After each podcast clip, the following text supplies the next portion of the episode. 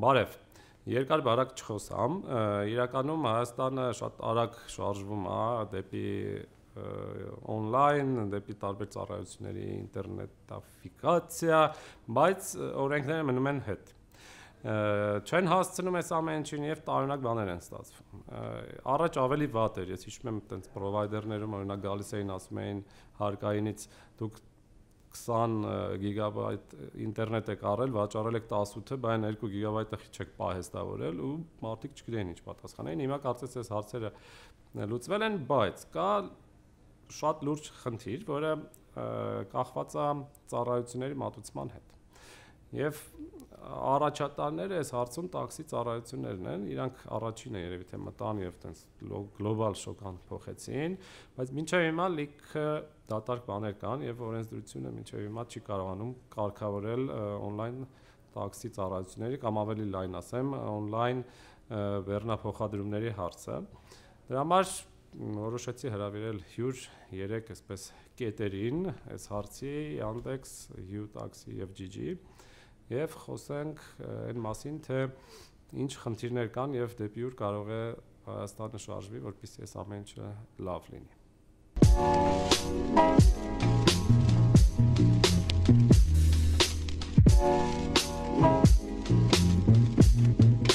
Մենք ստեղ հավաքվել ենք on-line փոխադրումներով զբաղվող կարկառուն դեմքերի հետ, այսինքն GG-ն է, U-Taxi-ն է, Yandex Taxi-ն է եւ մեկ անկախ իրավաբան, որովհետեւ այսօր մեզ իրավաբան շատ պետք է գալու, քանի որ իրականում շատ հարցեր հենց իրավաբանական ոլորտում են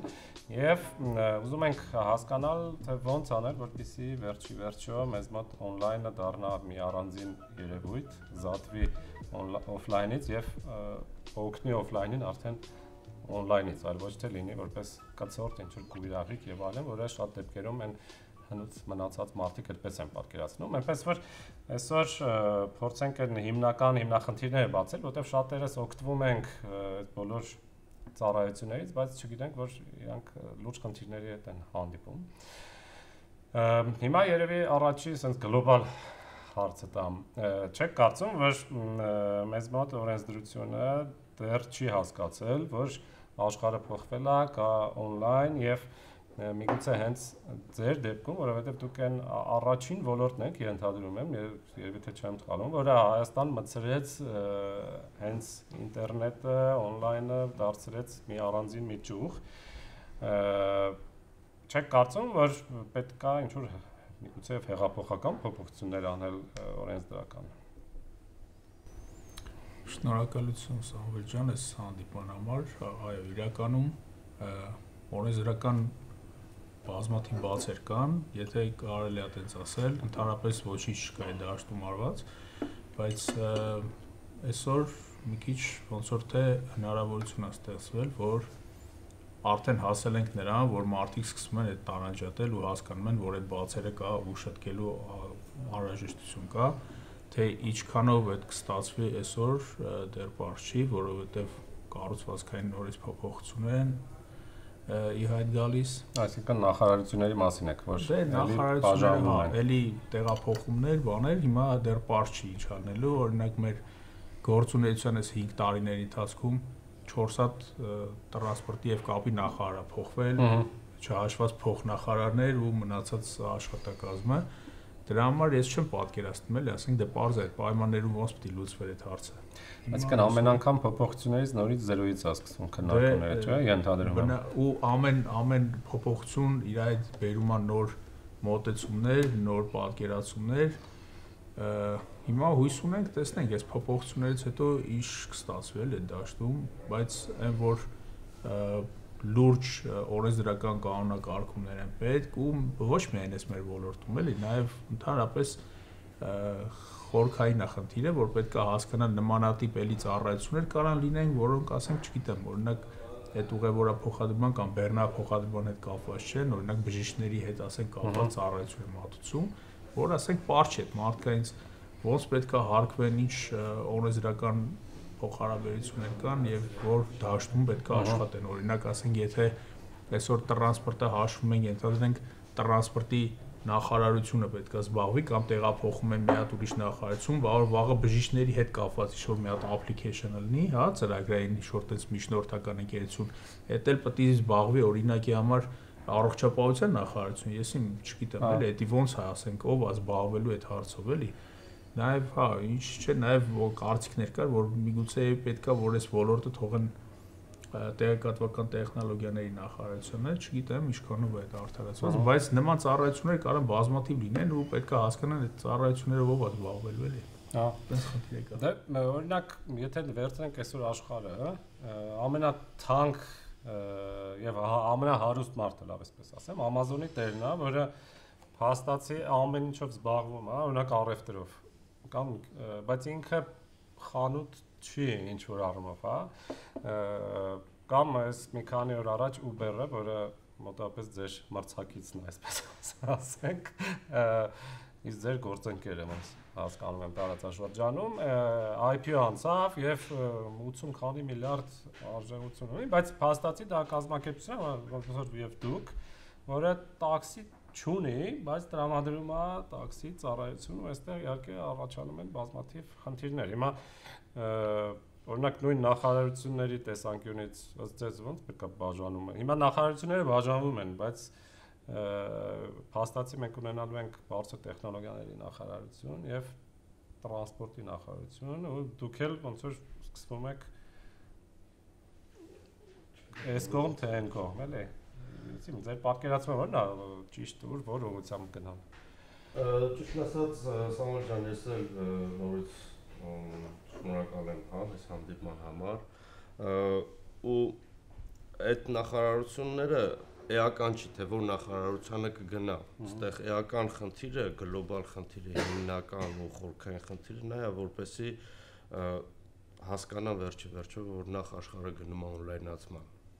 եւ ը, այդ հարկման տեսակը հիմա դա կլինի լիցենզիայի հարկ կդնեն չգիտեմ միջնորդավճար կլինի թե ոնց նշան կարևորը որ ճիշտ ձևով կատարվի այլ նույն հարթակի մեջ չտեսնեն on-line-ը եւ off-line-ը իրականում հենց խնդիրը գլոբալ ու որ չեն գալիս ընդհանուր կոնսենսուսի հենց գալիս էր դրանից որ տրանսպորտի նախարարությունը փորձում էր on-line-ը ու off-line-ը դնում էր նույն հարթակում ու քննարկումը կատարում էր նույն հարթակում բայց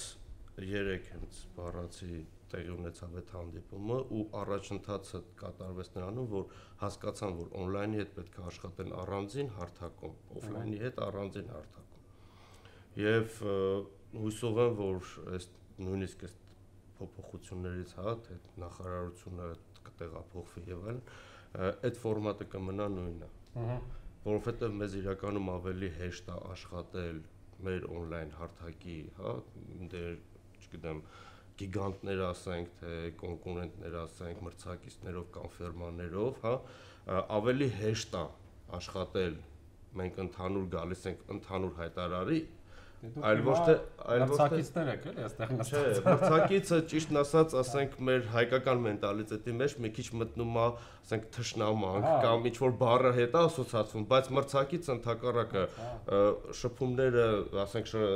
շատ նորմալ է դրական է ու մրցակիցը հենց հնարավորություն է տալիս որ ավելի դու զարգանաս, բարգավաճես, այո, չքնես ու չլճանաս։ Ահա։ Դրա համար մենք որպես մրցակից ընկերություն, հա, կարանք լինենք մրցակից ընկերություններ, բայց տվյալ հարցի շուրջ մենք ունենք նույն վեկտորը, նույն ուղղվածությունը ու մենք բոլորս ենք դրան կողմ։ Ահա։ Մի հատ ես ոնց որ ասած իմ կարճ քերքով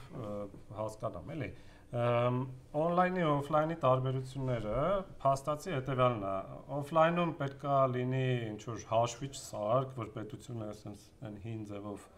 հաշվի թե ինչքան է քշել մեքենան, եթե ուզում է հարկի ըստ գումարի կամ օրինակ կարող է մի հատ մի գումար դնի ամսվա վրա ու դրանով եզրափակվի։ Օնլայնը փաստացի դուք այդ սախ GPS-ի տվյալները պահում եք եւ փաստացի մանրամասն մետր-մետր ունեք այդ հեռավորությունները հաշված։ Երկրորդը այնա ամենա իմ կարծիքով թույն բանը, որ ես կարող եմ ինքս իրիկունը վերցնեմ, քաշեմ դեր ոնցից մեկի, երեքի application-ն էլ քաշեմ, ազատ ժամանակ ունենամ, նստեմ, մի ժամ քշեմ, 3-ին իջես կարա 2-ին մաքսիմում։ լավ, համոզեցի։ Երկուսի Գոնե, կա- կարևորն է, որ ես պարտավոր չեմ, ոնց որ դառնամ տաքսիստ, ես կարող եմ ուղղակի ինչ որ ազատ ժամանակ, ընդ որում կարող է դա լինի համ գումար վաստակելու համար, համ էլ մարդկա, որ միայնակ է իրան զգում, ուզում է մի քիչ մեկի հետ շփվի։ Իսկ օֆլայն տաքսին շատ պարտադրող է այն տեսանկյունից, որ ես իմ մեքենայի վրա պետք է այս շախմատը ճպացնեմ, վերևից բան դնեմ, այս կանաչ աչք կդնեմ ը, ու դառնամ տաքսիստ, որովհետև պետք է ամսական ինչ-որ, չէ՞, ճիշտ եմ հասկանում։ Այսինքն on-line-ը տալիս է շատ թույն հնարավորություններ մարդուն երբ ուզենա մտնի աշխատի, դուրս գա առանց ինչ-որ լուրջ պարտավորությունների, այդ դեպքում դուք եք ոնց որ ին վրա վերծված այն հարկային պարտավորություններ տեսականորեն վերցնում ձեր վրա, եթե կարգավորումներ լինեն։ Հիմա այդ կարգավորումները չկան։ Չկա։ Այսինքն երբ որ ես այդ application-ով մտնում եմ վարորդ եմ դառնում, դուրս եմ գալիս, պետության տեսանկյունից ես ինչ-որ կիսա հանցագործ եմ, հա, ճիշտ եմ հասկանում։ Ну, հա, տենց է դու գալիս էլի, որ դու խուսափում ես հարկերից։ Հա, չնայած ես ուզում եմ այդ հարկը վճարեմ, բայց բարձ չի, որտեղ մեխանիզմ Ֆորմատը չկա էլի, հա, ոնց որ։ Որտեվ հա, այն ժեշտի հաշվիչը, հայերեն ասած սոչիկը դրած չի մոտես։ իրականում հա այդ ժեշտի հաշվիչը լինելով հանդերձ, ելի մարդը հարկ չի վճարում։ Մարդը վճարում է ընդամենը մի գումար ֆիքսված։ Այն 12000 12000 դրամ։ Ու վերջ։ Հիմա այդ գումարով, այդ շոչիկով, հա ձեր ասած, կաշխատի 1000 դրամ, թե կաշխատի 100000 դրամ, դա չի ֆիքսվում։ Ոչ այսինքն մի տեղ։ Այսինքն տուր ինձ 12000 լիցենզիա 1000 12000 դրամի գումար ու կապ չունի։ Հաճախորդին կխափեն, թանկ կլինի, էժան կլինի, շատ գումար կաշխատի, քիչ գումար կաշխատի, ինքը վճարում է ընդամենը 12000 դրամ, որին որ ը, մի քիչ ճիշտ մոտեցում չի։ Հա։ Իսկ նույն պարագան, նաև նույն գործիքը, նույն գործիքակազմը իրանք փորձում էին օգտագործել նաև on-line-ի դեպքում։ Այսինքն ձեր ասած տարբերակով վարորդը դուրս է գալիս օրվա կտրվածքով աշխատում է 2 ժամ, թե առավոտյան առավ- առավոտից երեկո, իրանք ուզում են նորից դնեն անունը լիցենզիա, այդ նույն 12000-նա կամ չգիտեմ ինչ որ մի ֆիքսված գումար ու կապ չունի մարդը ամսվա կտրվածքով քանի օր կաշխատի կամ քանի ժամ կաշխատի։ Ա, որը որ ի սկզբանե հենց նորից այդ օֆլայնի on-line-ի նույն հարթակում դիտելու սկզբունքն է իբր իրանց կողմից դա այդ փաստը բերում է նրա համար որպեսի լինենք մրցունակ Ահա։ Ահա։ այսինքն on-line-ը եւ off-line-ը բայց մենք առաջարկում ենք ավելի խելամիտ ժամանակակից տարբերակ որովհետեւ այսօր մենք բոլորս համենայն դեպս երեք ընկերությունը աշխատում ենք սպիտակ Ահա։ Այսինքն մենք վարորդի հետ որ միջնորդավճարը, որը որ մենք վերցնում ենք, ոչ մեկ կանխիկ գործարք չի կատարում։ Այդ ամեն ինչը կատարում են ը, մեր տերմինալների միջոցով։ մեծ մասն էլ վճարողներն էլ արդեն քարտով են, չգիտեմ ինչ տոկոսը, բայց Վճարողներից զատ, հա, նույն ձևով մենք տեսեք հիմա վճարողը վճարում է, դա կլինի քարտով, թե կլինի կանխիկ, բայց վարորդը մեր միջնորդավճարները կատարում է տերմինալների միջոցով, որի համար մենք եւ հարկային պարտավորվածություններն են կատարում, նաեւ NDS-ով, թափանցիկ այդ ամեն ինչը երևում է։ Հիմա մենք ասում ենք, որպեսի այդ, չգիտեմ, բառը ինչ ուզում են թող դնեն իրանք, կլինի ծառայությունների համար միջնորդավճար, ասենք տրանսպորտի նախարարության, կլինի լիցենզիայի գումար եւ այլն, ամեն դեպքում մենք առաջարկել ենք մեր տարբերակը տրանսպորտի նախարարությանը։ Ու մի քանի անգամ։ Այսինքն դուք տեսականորեն ենթադրում եմ որ պետությունը օրինակ կարող է ասի ինձ տվեք կես տոկոս այդ վարորդի գումարից ու քանի որ դες մոտ շատ ճշգրիտ հաշվար կա կարող է պետությունը ավելի շատ գումար ստանա քան այդ 12000-ը չէ այդ հաշվարկները արել ենք, հա, Հա, ասա- 12000-ից շատ է։ ու վարորդներն էլ առանձնապես դժգոհ չեն լինի որովհետև քիչ քշողը քիչ կվճարի sense tenants իսկ շատ քշողի մոտ էլ այդ չի երևա այդ կես տոկոս արեցի մի տոկոս Նույնիսկ ասեմ ավելին, հա մենք առաջարկեցինք իրանց մեր մոտ վարորդները աշխատում են կանխավճարի տարբերակով։ Այսինքն վարորդը իր հաշիվը լիցքավորում է, ենթադրենք 1000 դրամ, հա։ Ու հիմա այդ 1000 դրամը ինքը օգտագործում է թե մի օրում, թե մի շաբաթում, ըստ նայած իր աշխատանքային գրաֆիկից, հա։ Մենք ոչ մեկս չենք հետաքրքրում, թե այդ մարդը այդ գումարը քանի օրում է օգտագործում։ Սիստեմը տեսնում է որ Հա, համակարգը տեսնում է, որ իր հաշիվը լիցքավորված է, ինքը հնարավորություն ունի պատվերը վերցնելու։ Մենք նաև ասում ենք, որ տարբերակներից մեկը նաև այդ էր որ դրեք այդ տոկոսը, ենթադրենք նույնիսկ ոչ թե կես տոկոսի մասներ, Արտաշես նաև առաջարկեց 3%, թե 2%, 3%։ Մարդը հաշիվը լիցքավորեց 1000 դրամ։ Դուք միանգամից այդ ձեր 2%-ը պահեք ձեզ, հիմա այդ մարդը թե եթե մեզ չի հետաքրքրում, նշանակում է նաև նախարարությանը պետքա չհետաքրքրի, թե այդ գումարը ինքը քանի ժամում կամ քանի օրում կվատնի։ Հա։ Ահա։ Այդ տարբերակը մենք առաջարկել ենք։ տերմինալը ոնց է 1000 դրամ որ լիցքավորում ես միանգամից ասենք չգիտեմ 30 դրամ ասենք գնում է պետ բյուջե Ահա։ 970-ա գնում Հա, ասենք GG Հա։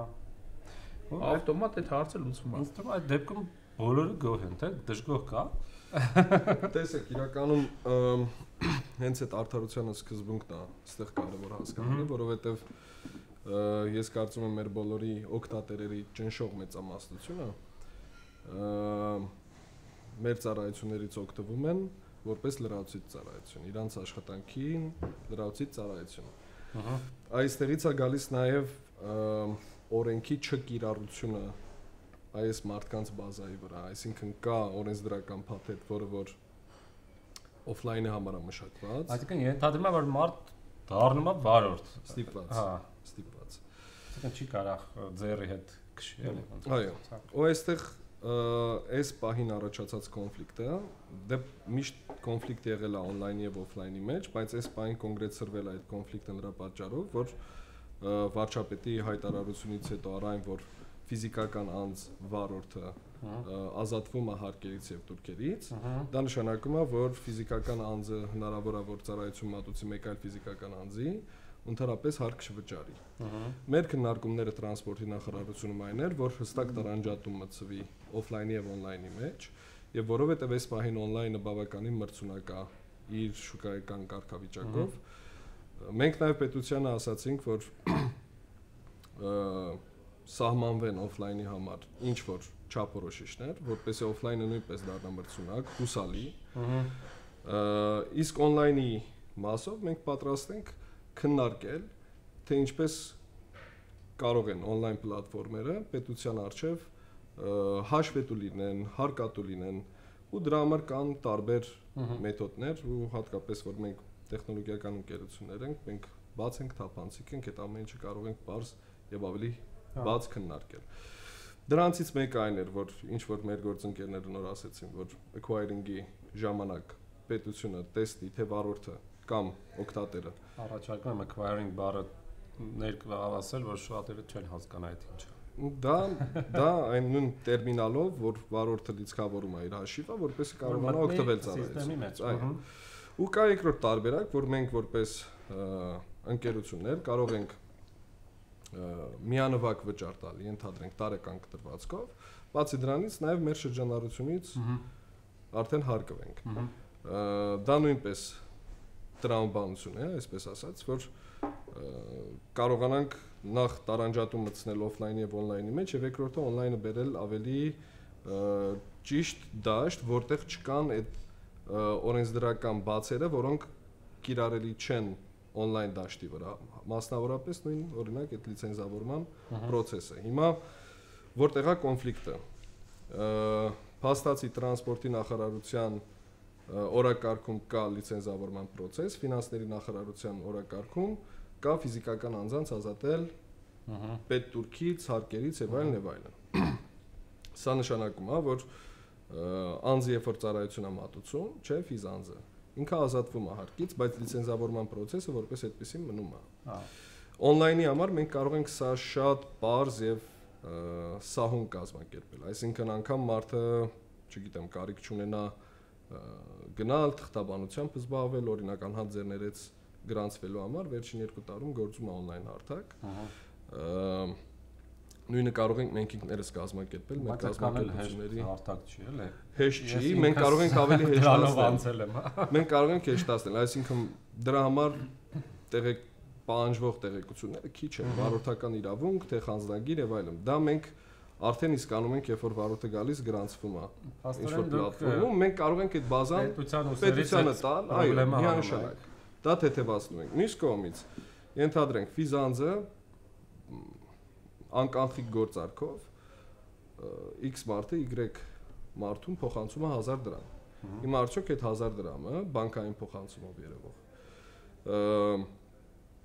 ազատվում է հարկից, չի ազատվում հարկից, որտեղ ինքը փաստացի турք չի տալիս, չէ, պետությանը։ Այսինքն հա։ ինքը ֆիզիկական անձ է, ով ծառայություն է մատուցում ու դրա դիմաց գումարը աստանում։ Ոստեղ դա նույնն է, ինչ որ դուք ենթադրենք մեկ այլ երկրում գտնվող անձի որպես ֆիզիկական անձ ծառայություն մատուցեք, գումար ստանաք դրա դիմաց ու հարկ չվճարեք։ հա։ Դա նույնպես սխալ է, մեր հա։ կարծիքով։ Ու մենք առաջարկում ենք այստեղ հենց այս մասով այդ նույն ֆիզիկական անձանց, ովքեր օգտվում են այս օնլայն on-line պլատֆորմերից, տալ իրավական կարգավիճակ։ Կապ չունի անունի ինչ կլինի։ Կարող ենք նստել, խոսել։ Կարևորը որ այդ մարդը ունենա այնպիսի իրավական կարգավիճակ, որի շնորհիվ իր ստացված եկամուտները կամ ծառայությունների ծառայություններ մատուցելու արդյունքում ստացված եկամուտները կիդենտիֆիկացնեն կիդենտիֆիկացվեն հենց այդ պատվերների հետ, որոնց շնորհիվ ինքը ստացել է այդ եկամուտը։ որ օրենքով կարգավորվում են ուղևորափոխադրումները մարդատար տաքսի մեքենաներով նրանց նկատմամբ պահանջներ են սահմանված, հա, նույն հաշվի ունենալ, նույն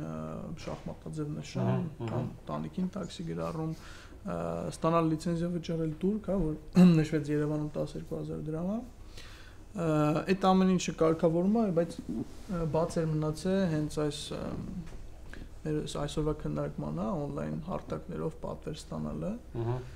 ու այն մարտիկ ովքեր այդ պատվերների հետ աշխատում են մի սուբյեկտ են, հա, որոնք որ փաստացի մարդ են տեղափոխում, արդյոք նրանք այսօրվա օրենսդրության համաձայն համարվում են նույն հավասարեցվում են տաքսի ծառայություն մատուցողներին, կլասիկ տաքսի ծառայություն մատուցողներին։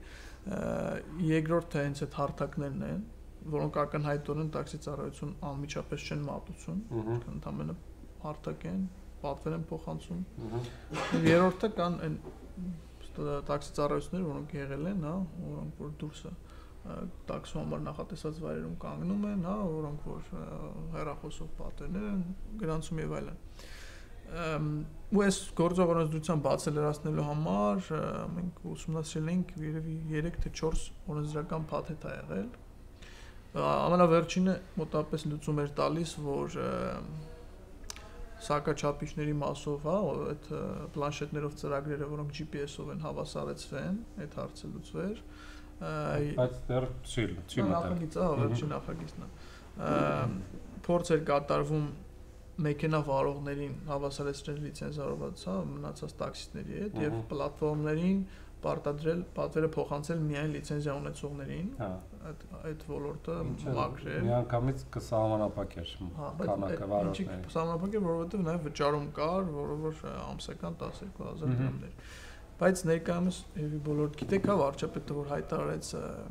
հարկերից, турքերից ազատման հետ կապված այս ամբողջ նախագծերը տրանսպորտային կարգավորման հա մասով լիցենզիա, տաքսի, պահանջներ, դրանից զատ նոր նախագիծ շրջանառվեց։ mm -hmm հարկային օրենսգիրքի փոփոխությունների փաթեթի հետ միասին որը կառավարության ծրագրով նախատեսված բոլոր հա կետերը ը, իրակորձման մեխանիզմն աստեյության եւ այնտեղ այս բային նախագիծը որ քննարկվում է եւ մոտ ազգային ժողովմտնելուն անհա- անհատները, անհատ տաքսիստները ասենց կոչենք, հա, ովքեր իրենց մեքենայով վարում են, անկախ պատվերի ձևից, ըստ էության պետք է ազատվեն բոլոր տեսակի հարկերից եւ վճարներից։ Բայց մյուս հատվածը չի կարգավորվում այս նախագծով։ Իսկ այստեղ պետությունը իրականում երկու ձեռքը տարբեր բաներ են անում ու զուգահեռ չեն անում։ Ինչը պրակտիկան- մոտեցում չկա, էլի ոնց հասկանում։ Համակարգված մոտեցում չկա եւ կարծում եմ ավելի ճիշտ կլիներ ը, իրականում այդ երկու process-ը միասին տանել, բայց այս բանը ամեն դեպքում գոնե վճարումների մասը երբ որ լուծվում է, մնալու է միայն ստեյության հասկանալ այս փուլում այդ լիցենզիա ունենալու եւ այլնի հա խնդիրները կարգավորել օրենքով, որպեսզի հասկացվի թե on-line հարթակը ինչա հա, ինչ կարգավիճակ ունի, եթե այնտեղ հարկերից ֆինանսանց ազատում ենք, միգուցե on-line արտակներին վրա դրվի ինչ որ պարտավորություն վճարման, հա, որը կոմպենսացնի, այսպես ասած։ Բայց առհասարակ իմ կարծիքով օրենսդրական կարգավորում պետք է հստակ եւ որոշակի լինի այս ոլորտում եւ ակնհայտ է որ on-line հարթակներ ամբողջ աշխարհում կան եւ դրանց դեմ պայքարելը այդքան էլ արդյունավետ չի ու ես չգիտեմ ինձ թվա երկիր որտեղ on-line հարթակը ստանդարտա տաքսի նշանով կամ գույնային համադրությամբ մեքենաների է պատվեր փոխանցում։ Միշտ կան մեքենաներ առանց նշանի, որոնք on-line-ից են գալիս։ Այդ դեպքում on-line-ի իմաստը կորում է, եթե դու ես ինչու եմ հենց ձեզ հավաքել, որովհետև փաստացի դուք ամենա ոնց որ առաջնայինն եք, ֆրոնտն եք, էլի, որովհետև ձեր հետևից գալիս են հազարու մի ծառայություն, որովհետև էլեկտրիկների հարթակ կարա լինի, հա, երեխային խնամելու երեկոյան ծնողները դուրս գան, ինչ որ մարդ հրավիրեն եւ այլն եւ այլն։ Այդ հազար մի հարթակ կարող է ստեղծվի, ու այսօր ես գիտեմ, օրինակ իմ ընկերները ինչ որ ստարտափներ են փորձում սկսել, բժշկական օգնությունն եւ այլն։ Բայց բոլորը ինչ որ պահի գալու են ու պատին կանգնեն, որովհետև այն կարգավորումները, որոնք կան, չեն կարգավորում հենց հարթակը, որովհետև հարթակը լրիվ ուրիշ բան է, օրինակ նույն ինչու են տուրիստները շատ հաճախ բողոքում տաքսիստներից, որովհետև մեջները կա ինչ որ փոքր տոկոս քցողների, բայց իրանք ստվերում են ամբողջ ոլորտը on-line-ները այս հարցը ինչ որ առումով լուծում են, որովհետև քանի որ մարդիկ ռեյտինգ են դնում, փաստացի վատ վարորդը շատ արագ համակարգից դուրս է գալիս։ Այսինքն շուկան, սպառողը ինքնակարգավորման ձևով փաստացի վատ վարորդներին ուղակի դուրս է բերում։ Ինչ որ իմունային համակարգ կա։ Եթե դու ուղակի չորով ասած քարտու ձևի փորձում ես կարգավորել հենց ոնց որ օֆլայնն է, դու փաստացի զորբա վարորդներին տալիս ես հնարավորություն իրանք թելադրեն որպես փոքրամասնություն, մեծամասնությանը իրանց չէ կարծիքը, որովհետև մեծամասնությունը իրականում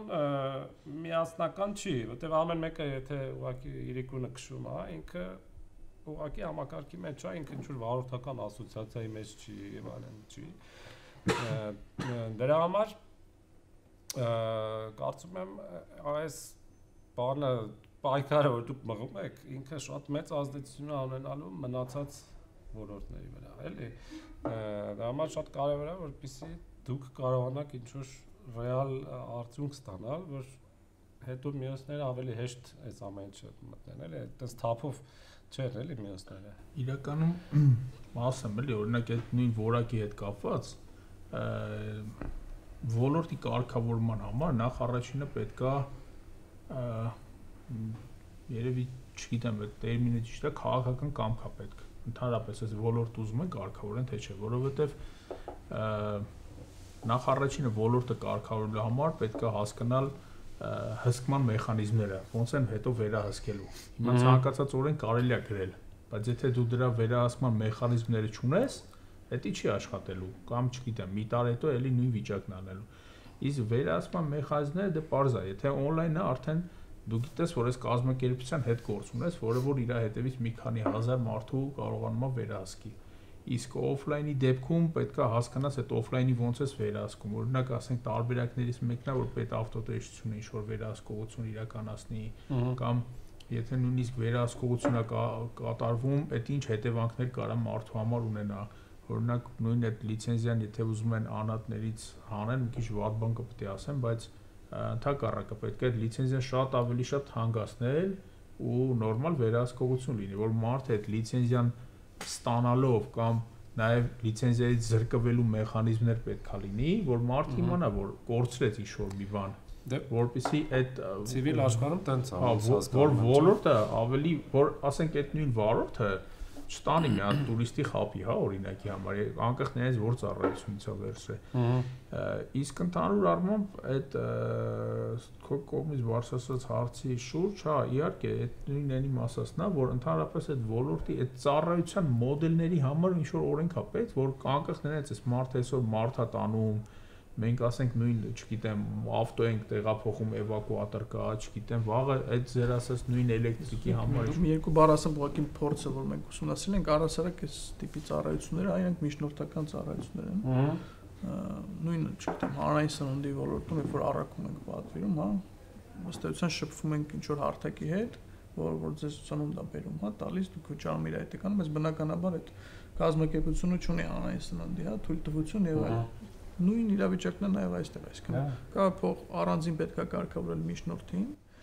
Եվ մենք անային սննդին էլ էլի գցիր կրակ, հա, որ ժողովուրդ sense թեմա էլ կա։ Բայց այս թեմաները հա բացվելու են, անընդհատ բացվելու են ու նոր նոր բաներ են առաջանում։ Իրականում ցույց տալիս երկրներ ճշտական, որոնք ուղղակի փորձում են արկել են, հա, նույն Uber-ի օրինակով, հա